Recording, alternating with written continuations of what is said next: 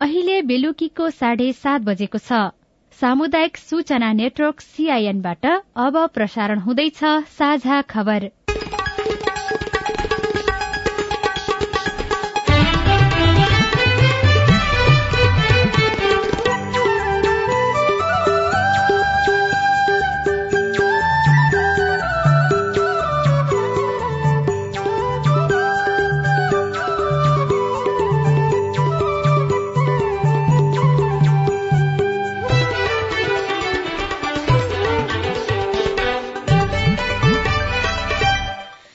सीआईएनको साझा खबरबाट सोभिता रिसालको नमस्कार। साझा खबर देशभरिका सामुदायिक radio CIN Khabar dot com र मोबाइल एप सीआईएनमा पनि सुन्न सकिन्छ।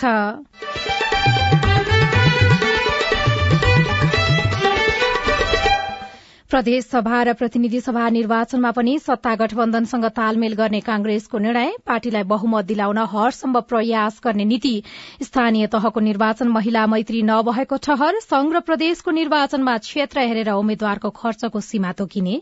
त्यहाँ मतदाता कति छन् त्यसलाई एनालाइसिस गरेर संखुवा सभाको फरक हुन सक्छ काठमाडौँको फरक हुन सक्छ मनोनयन दर्ताको दिनसम्म सांसदको समयावधि रहने सभामुख सापकोटाको भनाई। शीर्ष नेताहरूको वैदेशिक भ्रमणमा सद्भाव भन्दा विवाद धेरै। पछिल्ला घटनाक्रममा एमाले कतै आक्रामक कतै प्रतिरक्षात्मक।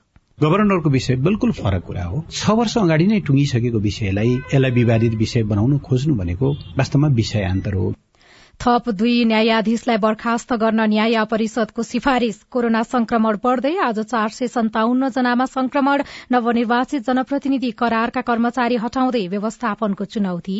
समाधान नभएको भने पहिला इच्छा शक्ति नै छैन सरकार त्यसमा ध्यानै अननोटिस सब्जेक्ट जस्तो भयो क्या केन्द्र सरकारको। र बेलायतमा हालसम्मकै उच्च तापक्रम मापन बीस वर्ष मुनिको साफ पुरूष च्याम्पियनशीप फुटबलका लागि नेपाली टोलीको घोषणा।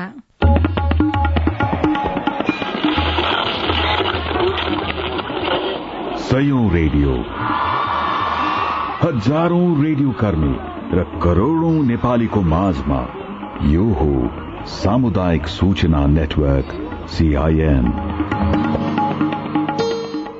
देशकै पुरानो विश्वविद्यालय त्रिभुवन विश्वविद्यालयमा विद्यार्थीको चाप र विश्वास दुवै छ तर शैक्षिक क्यालेण्डर अनुसार नसल्ने समयमा परीक्षा नलिने नतिजा प्रकाशनमा ढिलाइ प्रश्नपत्र निर्माणमा लापरवाही मार्कशीटदेखि ट्रान्सक्रिप्टसम्म लिने प्रक्रिया झन्झटिलो लगायतका कारण विद्यार्थी आजित हुने गरेका छन्। त्रिवीसँग मानवीय तथा भौतिक साधन स्रोतको कमी पनि छैन तर पनि किन व्यवस्थित हुन सकिरहेको छैन? यसमा पनि गम्भीर बनी विश्वविद्यालयको गुणस्तरीयता बढ़ाउनमा सम्बन्धित पक्षले ध्यान दिनुपर्छ। अब खबर अविनाश आचार्यबाट।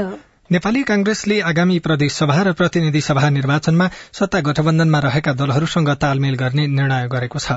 पार्टी कार्यालय सानेपामा आज बसेको केन्द्रीय कार्य समितिको बैठकले गठबन्धनका दलहरूसँग संवाद गर्ने र चुनावी तालमेल गरेर अघि बढ़ने निर्णय गरेको हो। पार्टीलाई आसन्न प्रदेश र प्रतिनिधि सभामा बहुमत दिलाउनको लागि हरसम्भव प्रयास गर्ने निर्णय पनि कांग्रेसले गरेको छ। जनताको समुन्नतिको सपनालाई स्थिर सरकार मार्फत सम्बोधन गर्नका लागि सत्ता गठबन्धनमा रहेका दलहरूसँग संवाद गरी चुनावी तालमेल गरेर अघि बढ़ने निर्णय गरेको बैठकपछि प्रवक्ता प्रकाश शरण महतले सीआईएनलाई जानकारी दिनुभयो। गठबन्धनको हाम्रो अनुभव थियो।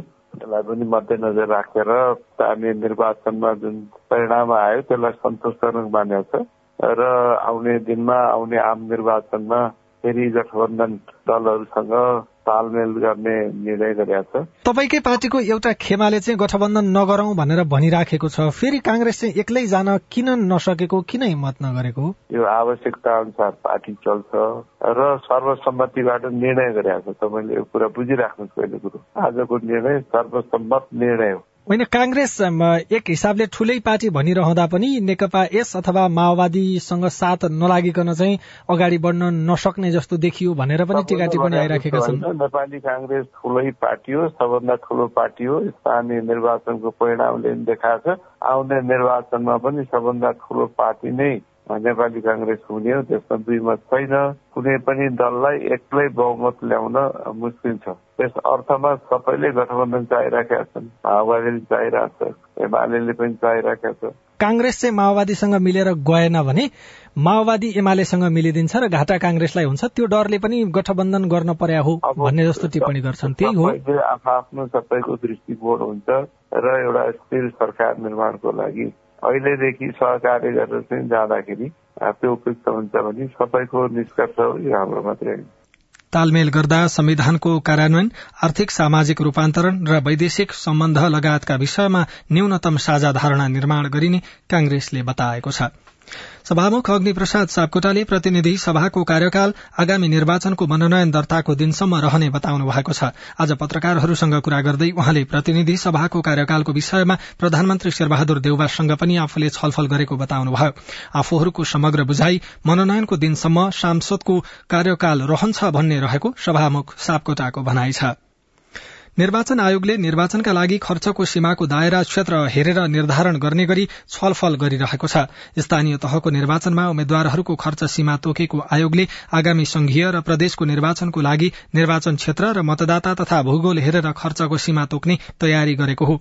यसअघिको स्थानीय तह निर्वाचनमा आयोगले गाउँपालिका नगरपालिका उपमहानगर र महानगरपालिकाका उम्मेद्वारहरूको लागि छुट्टा छुट्टै तर एकै स्तरमा खर्च तोकेको थियो। तर संघ र प्रदेशको निर्वाचनमा भने क्षेत्र अनुसारका उम्मेद्वार उम्मेद्वारहरूका लागि फरक फरक सीमा तोकिने प्रमुख निर्वाचन आयुक्त दिनेश कुमार थपलियाले बताउनुभयो। ल आउँदो प्रतिनिधि सभा र प्रदेश सभाको हामीले खर्चको सीमा निर्धारण गर्नु छ।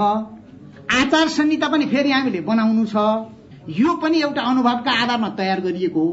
अब एउटा चाहिँ हामी के गर्छौँ यो चोटि चाहिँ भने मतदाता संख्याको आधारमा र एरिया। त्यो निर्वाचन क्षेत्रको एरिया कति त्यसले ओभर छ र त्यहाँ मतदाता कति छन् त्यसलाई एनालाइसिस गरेर संखुवा सभाको फरक हुन सक्छ काठमाडौँको फरक हुन सक्छ मोरङको फरक हुन सक्छ हामीले फरक फरक आठ दसवटा क्राइटेरिया तोकेर चाहिँ यो सीमा तोक्नुपर्छ भन्ने हाम्रो सोचाइ छ यो सुझाव अहिले आएको छ। त्यसरी गरौँला। स्थानीय तहको निर्वाचनको पर्यवेक्षण प्रतिवेदनले पनि निर्वाचनको खर्च सीमा बढ़ाउनु पर्ने देखिएको उल्लेख गरेको छ। गत वैशाख तीसमा भएको स्थानीय तहको निर्वाचनको मतदान स्थल पूर्ण रूपमा अपाङ्ग मैत्री ज्येष्ठ नागरिक र महिला मैत्री नभएको पनि निर्वाचन पर्यवेक्षण गरेका संस्थाको प्रतिवेदनले देखाएको छ। निर्वाचनको पर्यवेक्षण गरेका संस्था संकल्प र नियोगले आज एक कार्यक्रम मार्फत प्रतिवेदन सार्वजनिक गर्दै औषधमा सत्तरी प्रतिशत मात्रै मतदान स्थल अपाङ्ग मैत्री ज्येष्ठ नागरिक र महिला मैत्री भएको बताएका छन्। प्रतिशत गर्भवती महिला र पच्चीस प्रतिशत बढ़ी ज्येष्ठ नागरिकले सहज रूपमा मत खसाल्न नपाएको प्रतिवेदनमा उल्लेख छ। तीस प्रतिशत भन्दा बढ़ी मतदान केन्द्रका मतपेटिका उच्च स्थानमा राखिँदा अपाङ्गता भएका व्यक्तिले पनि सहज रूपमा मत खसाल्न नसकेको संकल्पका वरिष्ठ उपाध्यक्ष शोभा बस्नेतले बताउनुभयो। गर्भवती महिलाको लागि sixty five point six percent बुथहरू मात्र सहज थिए। बाँकीमा चाहिँ नै अलिकति अप्ठ्यारोहरू परेको हामीले पायौं। व्हील चेयर युज गर्ने भोटरहरूलाई चाहिँ व्हील चेयर नै छाडेर उचालेर लगेर भोट खसाल्नु परेको।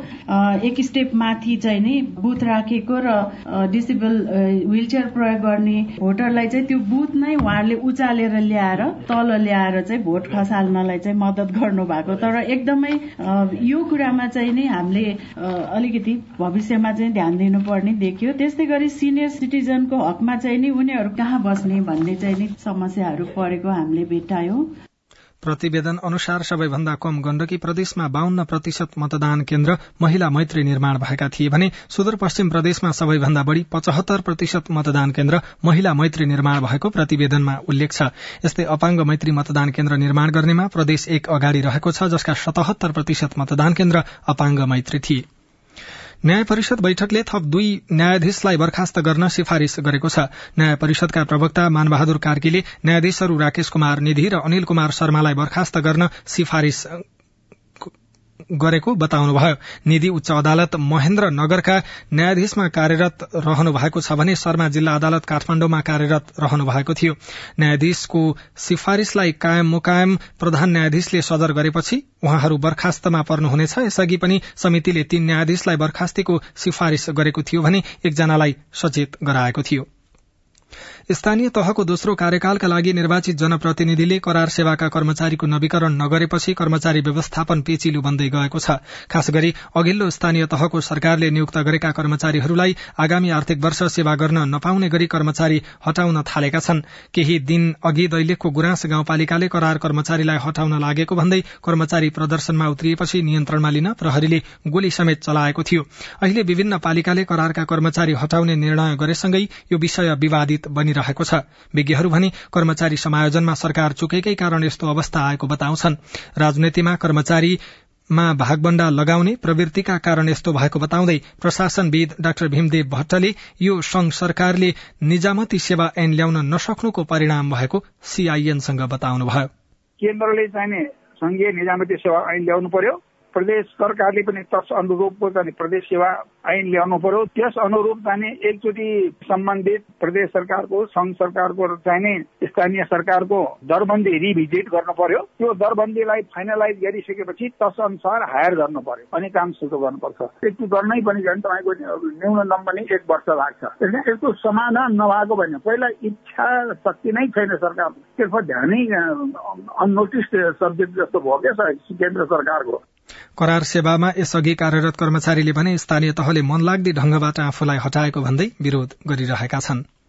नेपाल प्रहरीका अतिरिक्त महानिरीक्षक एआईजी विश्वराज पोखरेलले राजीनामा दिनुभएको छ। उहाँले आज नेपाल प्रहरीको मानव स्रोत विभागमा आफै उपस्थित भएर राजीनामा दिनुभएको प्रहरी प्रधान कार्यालय स्रोतले जानकारी दिएको छ। धीरज प्रताप सिंहलाई प्रहरी महानिरीक्षक नियुक्त गर्ने सरकारको निर्णय विरूद्ध पोखरेलले सर्वोच्च अदालतमा मुद्दा हाल्नु भएको थियो। गत शुक्रबार सर्वोच्च अदालतले आफ्नो पक्षमा फैसला नदिएपछि पोखरेलले राजीनामा दिनुभएको हो। साझा खबरमा अब विदेशको खबर बेलायतमा हालसम्मकै उच्च तापक्रम मापन गरिएको छ। बेलायतको मौसम विभागको कार्यालय मेट अफिसले भोलिसम्मकै तापक्रम अहिलेसम्मकै उच्च रहने जनाएको छ। लण्डन म्यान्चेस्टर र योर्क लगायतका क्षेत्रको तापक्रम एकचालिस डिग्री सेल्सियसको आसपासमा पुगेको छ जसको कारण त्यहाँको जनजीवन प्रभावित बनेको छ। साझा खबरमा अब एउटा खेल खबर। जुलाई पच्चीसदेखि भारतमा आयोजना हुने साफ अन्डर ट्वेन्टी पुरूष च्याम्पियनशीप फुटबलका लागि नेपाली टोलीको घोषणा भएको छ। मुख्य प्रशिक्षक मेघराज केसीले आज साफ अन्डर ट्वेन्टीका लागि तेइस सदस्यीय टोलीको घोषणा गरेको अखिल नेपाल फुटबल संघ एन्फाले जनाएको छ। च्याम्पियनशीपमा आयोजक भारत नेपाल मालदिप्स श्रीलंका र बंगलादेशको सहभागिता रहेको छ।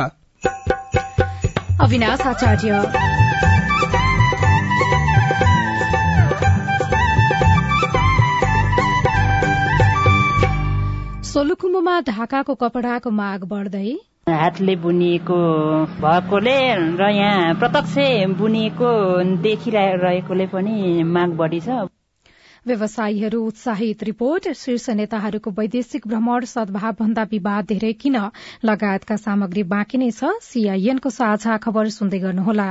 उठाउनु पर्ने आवाजहरू सदनमा उठाउनु भएको छ। तपाईँलाई धन्यवाद दिनुपर्ने हुन्छ। कानून निर्माणमा नागरिक सहभागिता सिद्धान्त र अभ्यास। पारित गरियोस् भन्ने प्रस्ताव दुई तिहाई बहुमत भन्दा बढी मतबाट पारित भएको घोषणा गर्दछु।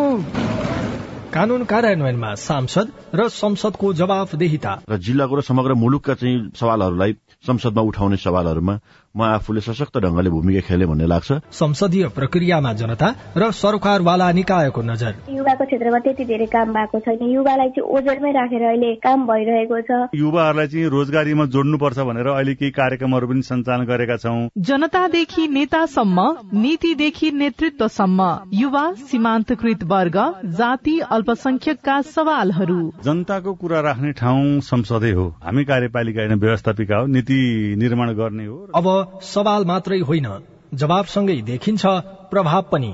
कार्यक्रम हेलो सांसद। सीआईएन मार्फत मुलुकभरका सामुदायिक रेडियोमा हरेक बिहिबार बेलुकाको साझा खबरमा र भोलिपल्ट शुक्रबार बिहान साढे छ बजे कार्यक्रम हेलो सांसद। सीआईएन को फेसबुक पेज र युट्युब च्यानलमा सांकेतिक भाषामा पनि हेर्न सक्नुहुनेछ। युएनडीपी संसद सहयोग परियोजना र अकुराबको सहकार्य। सामाजिक रूपान्तरणका लागि यो हो सामुदायिक सूचना नेटवर्क सीआईएन तपाई सामुदायिक सूचना नेटवर्क सीआईएनले तयार पारेको साझा खबर सुन्दै हुनुहुन्छ। पछिल्लो चौविस घण्टामा थप चार सय सन्ताउन्न जनामा कोरोना भाइरसको संक्रमण पुष्टि भएको छ भने एकजनाको मृत्यु भएको छ। स्वास्थ्य तथा जनसंख्या मन्त्रालयका अनुसार चार हजार छ सय एकाउन्न जनाको परीक्षण गरिएकोमा चार सय सन्ताउन्न जनामा संक्रमण देखिएको हो। यो पछिल्लो पाँच महिना यताकै उच्च संक्रमण हो जसमध्ये एक हजार चार सय त्रिहत्तर जनाको पीसीआर परीक्षण गर्दा एक सय चौध जना र एक हजार तीन सय छयासी जनाको एन्टीजेन परीक्षण गर्दा एकहत्तर जनामा संक्रमण देखिएको मन्त्रालयले जनाएको छ। यसैबीच सरकारले भोलिदेखि काठमाडौँ जिल्लामा खोप लगाउन छुटेकाहरूलाई खोप प्रदान गर्ने अभियान शुरू गर्दैछ। दोस्रो मात्रा लगाएका तर तेस्रो मात्रा नलगाएका वा कोही खोप लगाउन छुटेकालाई पनि खोप लगाइने स्वास्थ्य कार्यालय काठमाडौँका प्रमुख वसन्त अधिकारीले सीआईएनसँग बताउनुभयो। तीन गतेदेखि छ गतेसम्म यो कोभिडको चाहिँ यो अठार वर्षभन्दा माथिका सम्पूर्ण नागरिकहरूलाई काठमाडौँ जिल्लाका सम्पूर्ण व्यक्तिहरूलाई चाहिँ खोप लगाउँदैछौँ। अहिले विशेष गरेर चाहिँ कोभिडको बढ्दो संक्रमणलाई ध्यानमा राखेर त्यसलाई त्यसबाट बच्नको लागि यो खोप अभियान सञ्चालन गर्न लागि हो। यसमा चाहिँ जुन व्यक्तिहरूमा दोस्रो मात्रा खोप लागेको तीन महिना पुरा हुन्छ। उहाँहरूले चाहिँ तेस्रो मात्रा लगाउनको लागि हामीले आह्वान गर्छौँ र यो चाहिँ काठमाडौँ जिल्लाको सम्पूर्ण स्वास्थ्य संस्थाहरूमा यो खोप प्राप्त हुन्छ। यो चार दिनको मात्र अभियान हो। सोलुखुम्बुमा ढाकाको कपड़ाको माग बढ़न थालेपछि व्यवसायीहरू उत्साहित भएका छन्। विभिन्न सामाजिक कार्यक्रम होस् वा जुनसुकै समारोहमा पनि ढाकाको पहिरन आयोजक र सहभागिताको प्राथमिकतामा पर्न थालेको छ। महिला उद्यमीको सिप कलासँगै धेरैको रुचि ढाका कपडाको बहिरनमा बढ़दै गएको छ। बालबालिकादेखि युवा पुस्ताका लागि मौलिकतासँग जोडेको ढाकाको कपडाको माग बढ़दै गएको बताउँदै सोलुखुम्बु ढाका उत्पादन केन्द्रका संचालक पार्वती राई। आफ्नै हातले बुनिएको अब अर्ग्यानिक नै भनौँ न अब हातले बुनिएको भएकोले र यहाँ प्रत्यक्ष बुनिएको देखिरहेकोले पनि माग बढी छ। अब अरू रेडिमेड भन्दा हातले बुनेको अलिक महत्व अलिक बढी हुन्छ त्यही भएर पनि ढाकाको माग अलिक बढी भएको जिल्लामा ढाकाको टोपी सल कोट कुर्ता साडी जस्ता कपड़ा उत्पादन भइरहेको छ। विभिन्न कार्यालयका कर्मचारीहरूले ढाकाको कपड़ा लिने गरेको व्यवसायीहरू बताउ आउँछन्। सल्लेरीका एकजना व्यवसायी दीपक राज भण्डारी। यसको माग बढ्दो छ। अहिले सबैले ढाकाको चाहिँ साडी बर्की कुर्ता त्यसै गरी कोट पनि लगाउने भएकोले अहिले यसको माग बढ्दो छ। ढाकाको एउटा साडीको मूल्य बुट्टा अनुसार दसदेखि अठार हजारसम्म पर्छ। दिनमै चारवटासम्म साडी बेचेको अनुभव व्यवसायी अमृता राईको छ। सोलुमा उत्पादन कम भएपछि झापादेखि ल्याएर बेच्ने गरेको उहाँको भनाइ छ। न्यूनतम दस हजारदेखि बाह्र हजार पन्ध्र सबै मान्छे लानुहुन्छ न्यूनतम मान्छेले उत्तिकै लानुहुन्छ सरकारी जागिर खानेर उत्तिकै लानुहुन्छ। सोलुखुम्बुमा उत्पादित ढाकाको कपडाका सामग्री टिकाउ र गुणस्तरीय हुने दावी व्यवसायको छ। सल्लेरीका व्यवसायी लोक बहादुर दर्जी।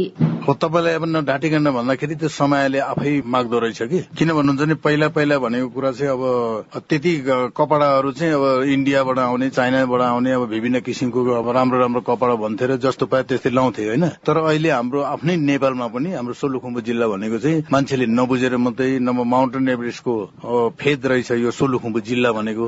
अनि त्यस कारण अहिले चाहिँ अब धेरै माग आएको छ र यो ढाकाको कपडाको। सगरमाथाको दृश्य अवलोकन गर्न आउने विदेशी तथा स्वदेशी पर्यटकको रोजाइमा सोलुखुम्बुमा उत्पादन भएको ढाकाको कपडा पर्ने गरेको छ। सोलुको कोसेलीका रूपमा ढाकाको कपडा लैजाने तथा दिने प्रचलन बढ़दा महिलाहरू उद्यमी बन्ने क्रम बढ़िरहेको छ।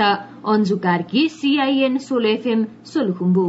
साझा खबरमा अब हेलो सीआईएन उषा तामाङबाट नमस्कार मण्डन देवपुर नगरपालिका वार्ड नम्बर सात मण्डन पौवाबाट कृष्णबहादुर परियार बोलेको।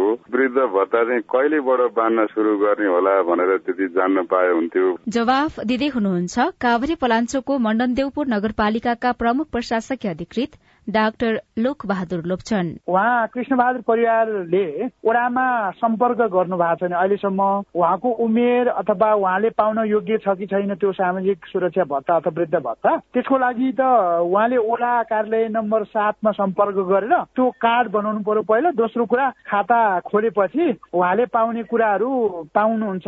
पहिलो कुरा उहाँले आफ्नो उमेर पुगेको दावी गर्नु पर्यो। मेरो नाम दानबहादुर ओली बारेकोट गाउँपालिका वार्ड नम्बर सातदेखि। अब सिआइएनको साझा खबर सुन्दाखेरि एउटा आँखा दान भन्ने मैले समाचार सुनिरहेँ। अडतिस सालमा एउटा कालीबहादुर ओली भन्ने मान्छे जन्मिनु भयो। उहाँ दुई वर्षको हुँदाखेरि उहाँको एउटा दादुरा भन्ने रोग आएर दुइटै आँखा बन्द भए। त्यसको लागि मैले त्यति राम्रोसँग मैले रेडियोमा सुन्न पाइनँ। फेरि यो सिआइएनको साझा घरमा बेलुका राम्रोसँग सुन्न पाइदिएको भए म उहाँ दाइले नै एउटा फेरि एउटा अर्को जन्म लिए जस्तै गरेर उहाँले आँखा देख्न पाउनुहुने थियो।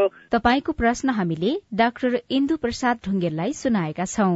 दादुरा भएपछि आँखा बन्द हुन चाहिँ त्यो आँखाको नानी भन्नुहुन्छ। आँखाको अगाडिपट्टिको सेट कर्निया भन्छ नानीमा। त्यहाँ सेतो देखिया छ जाडो जस्तो परेको छ भने त आँखाको नानी प्रत्यारोपण गरेर पनि ठिक हुन सक्छ यदि पछाडि आँखाको मुख्य नसा हुन्छ आँखाको नसा चाहिँ त्यो ब्रेनमा दिमागमा जाने नसा नै बिग्रिएको छ भने त प्रत्यारोपण गरेर पनि हुँदैन।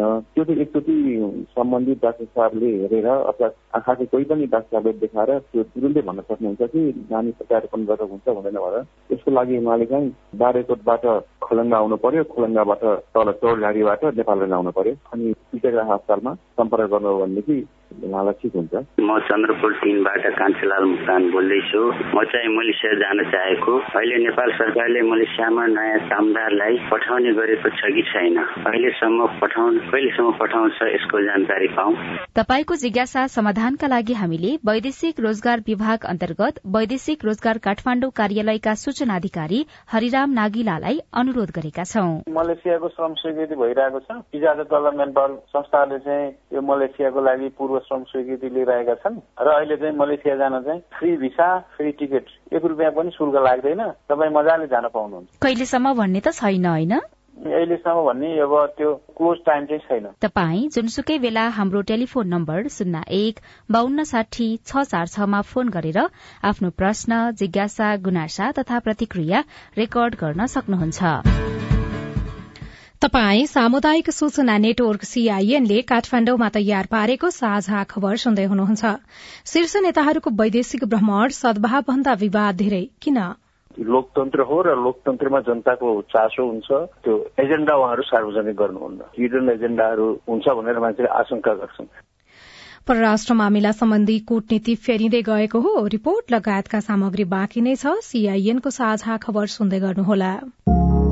बालबालिकालाई लगाउँदै गरेको खोपमा चाहिँ बालबालिकाहरू कहाँ गएर लगाउनु पर्ने र खोप लगाउन जाँदा के के लिएर जानु पर्ने त्यसबारे बताइदिनुहोस् न। मेरो जिज्ञासा के छ भनेपछि हामी विद्यार्थीहरू एकदमै जोखिममा छौँ तर पनि हामीहरूलाई समयमा खोप उपलब्ध हुन सकेको छैन। कोभिड बारे तपाईँको चासो अब हाम्रो पालोमा। कोभिडसँग जोडिएका थुप्रै बालबालिका तथा युवाहरूका प्रश्न र सरकारवालाको जवाब सहित हरेक आइतबार साँझको साझा खबरमा प्रस्तुत भइरहेको छ हाम्रो पालो। कोभिड पछि घरको बसाई बाल तथा युवा मस्तिष्कमा पर्ने प्रभाव यसले मनोविज्ञानमा पारेको असर कोभिडमा मानव सुरक्षा र कोभिड विरूद्धको खोप लगायत तपाईँलाई लागेको विषयमा हाम्रो आइभीआर नम्बर शून्य एक बान्न साठी छ चार छमा प्रश्न गुनासो तथा प्रतिक्रिया रेकर्ड गराउनुहोला। सरोकारवाला निकायको जवाब सहितको हाम्रो पालो देशभरिका सामुदायिक रेडियोमा प्रसारण भइरहेको छ। सामाजिक रूपान्तरणका लागि यो हो सामुदायिक सूचना नेटवर्क सीआईएन तपाई सामुदायिक सूचना नेटवर्क सीआईएनले काठमाण्डुमा तयार पारेको साझा खबर सुन्दै हुनुहुन्छ। नेपालबाट उच्च पदस्थ व्यक्ति विदेश भ्रमणमा जाने परम्परा शुरू भएको एक सय त्रिहत्तर वर्ष भयो। उन्नाइस सय छ सालमा तत्कालीन प्रधानमन्त्री जंगबहादुर राणा युरोप भ्रमणमा निस्किए पनि दुई हजार सात सालपछि मात्रै औपचारिक रूपमा विदेश भ्रमण हुन थाल्यो। शुरूका दिनमा आपसी सद्भावमा केन्द्रित हुने भ्रमण हिजो आज भने आपसी विवाद र आरोप प्रत्यारोपको कारक बन्ने गरेका छन्। विदेश जानुभएको छ ठ्याक्कै चुनाव अगाडि किन जानुभएको आएपछि सोध्नु गत चैतमा स्थानीय तहको चुनाव अघि प्रधानमन्त्री शेरबहादुर देउवाले भारत भ्रमण गर्दा पूर्व प्रधानमन्त्री एमाले अध्यक्ष केपी शर्मा ओलीले शंकास्पद भन्नु भएको थियो। देउवाको मात्रै होइन अरू राजनीतिक दलका तर्फबाट प्रधानमन्त्री बनेकाहरूको भ्रमण पनि कुनै न कुनै विवादको कारक बन्ने गरेका छन्।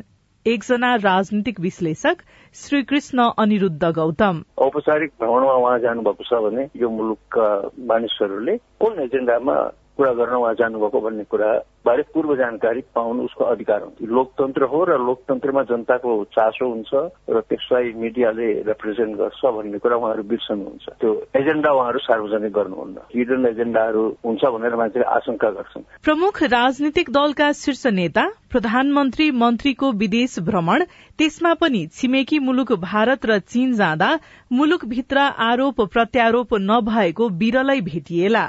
पहिलेका भ्रमणका एजेण्डा सार्वजनिक हुन्थे तर अचेल त्यसो हुन छोडेको कारणबारे टिप्पणी गर्दै एमाले विदेश विभाग प्रमुख डाक्टर राजन भट्टराई। कोही कोही जाँदा विवाद हुन्छ किनभने उहाँहरू विवाद आउने गरी काम गर्नुहुन्छ। एउटा पार्टीको निमन्त्रणामा सामान्य हिसाबले जाने कुरालाई विवाद गर्नु आवश्यक छैन। जुन समयमा गर्नुभयो जे हिसाबले जानुभयो विशेष गरी आन्तरिक मामलाका विषयहरू गएर अर्को मुलुकमा छलफल गर्ने भेटघाटहरू गर्ने कुराले चाहिँ विवाद तानिन्छ। सरकारमा रहने र बाहिरै बस्ने दलीय व्यवस्थाका कारण पनि पछिल्लो समय सरकारी स्तरमा हुने भ्रमण छलफल र सहमतिका विषयमा आलोचना र बचाउ हुने गरेको छ।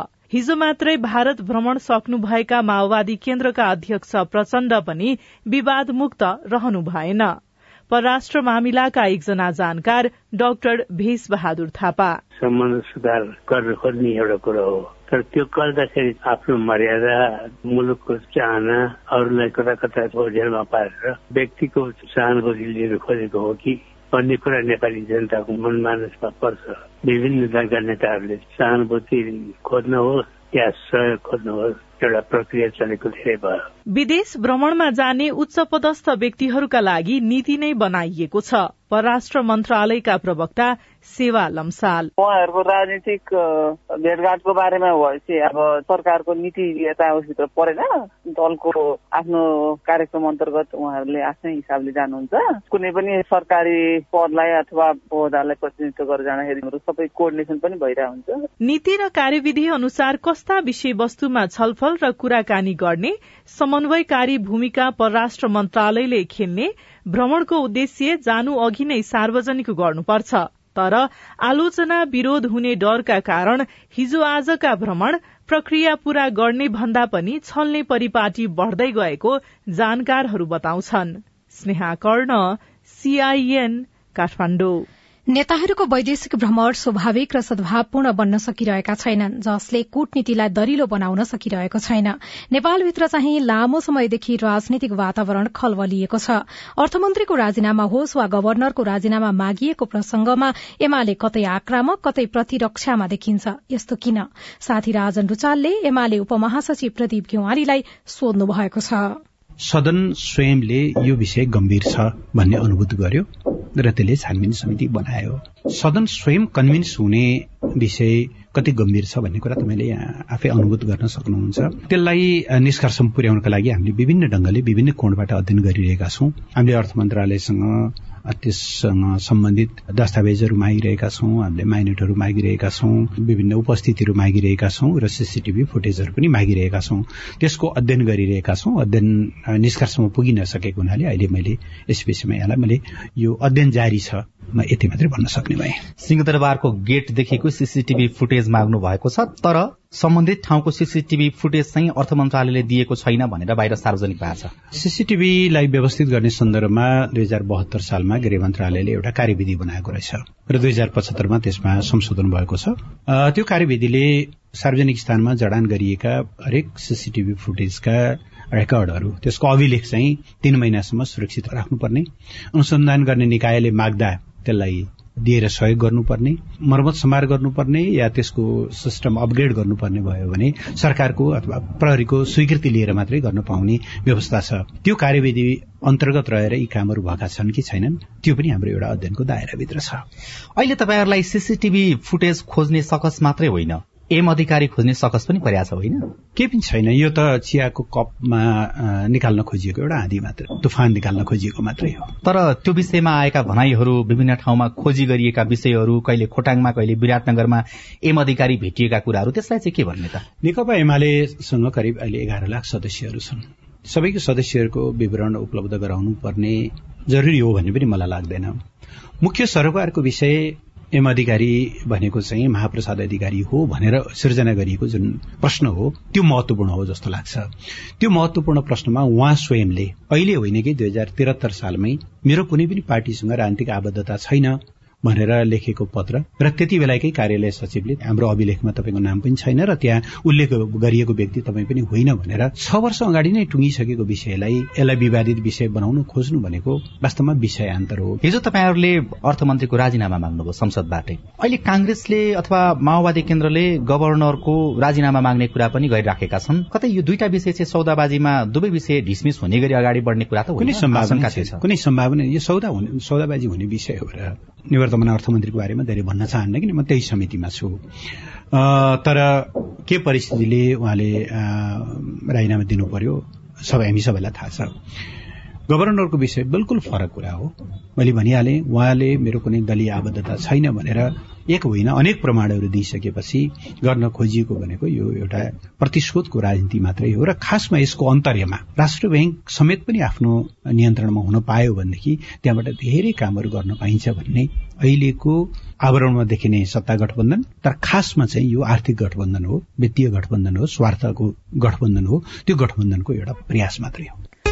प्रदेश सभा र प्रतिनिधि सभा निर्वाचनमा पनि सत्ता गठबन्धनसँग तालमेल गर्ने नेपाली कांग्रेसले निर्णय गरेको छ। स्थानीय तहको निर्वाचन महिला मैत्री नभएको प्रतिवेदन सार्वजनिक भएको छ। संघ र प्रदेशको निर्वाचनमा क्षेत्र हेरेर उम्मेद्वारको खर्चको सीमा तोक्ने तयारी निर्वाचन आयोगले गरेको छ।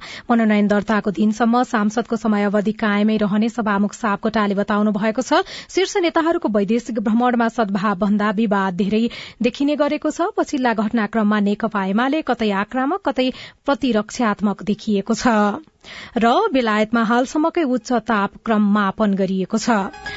आजलाई साझा खबरको समय सकियो। प्राविधिक साथी सुरेन्द्र सिंहलाई धन्यवाद। भोलि साउन तीन गते बिहान छ बजेको साझा खबरमा फेरि भेटौँला। अहिलेलाई सोभिता रिसाल पनि विदा हुन्छु। नमस्कार शुभरात्री।